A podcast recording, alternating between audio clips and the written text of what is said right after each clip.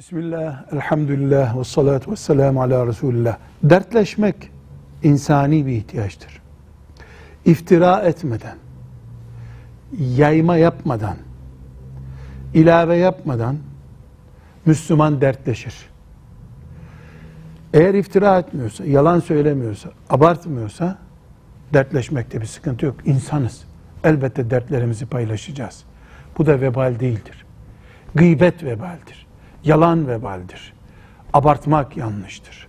Velhamdülillahi Rabbil Alemin.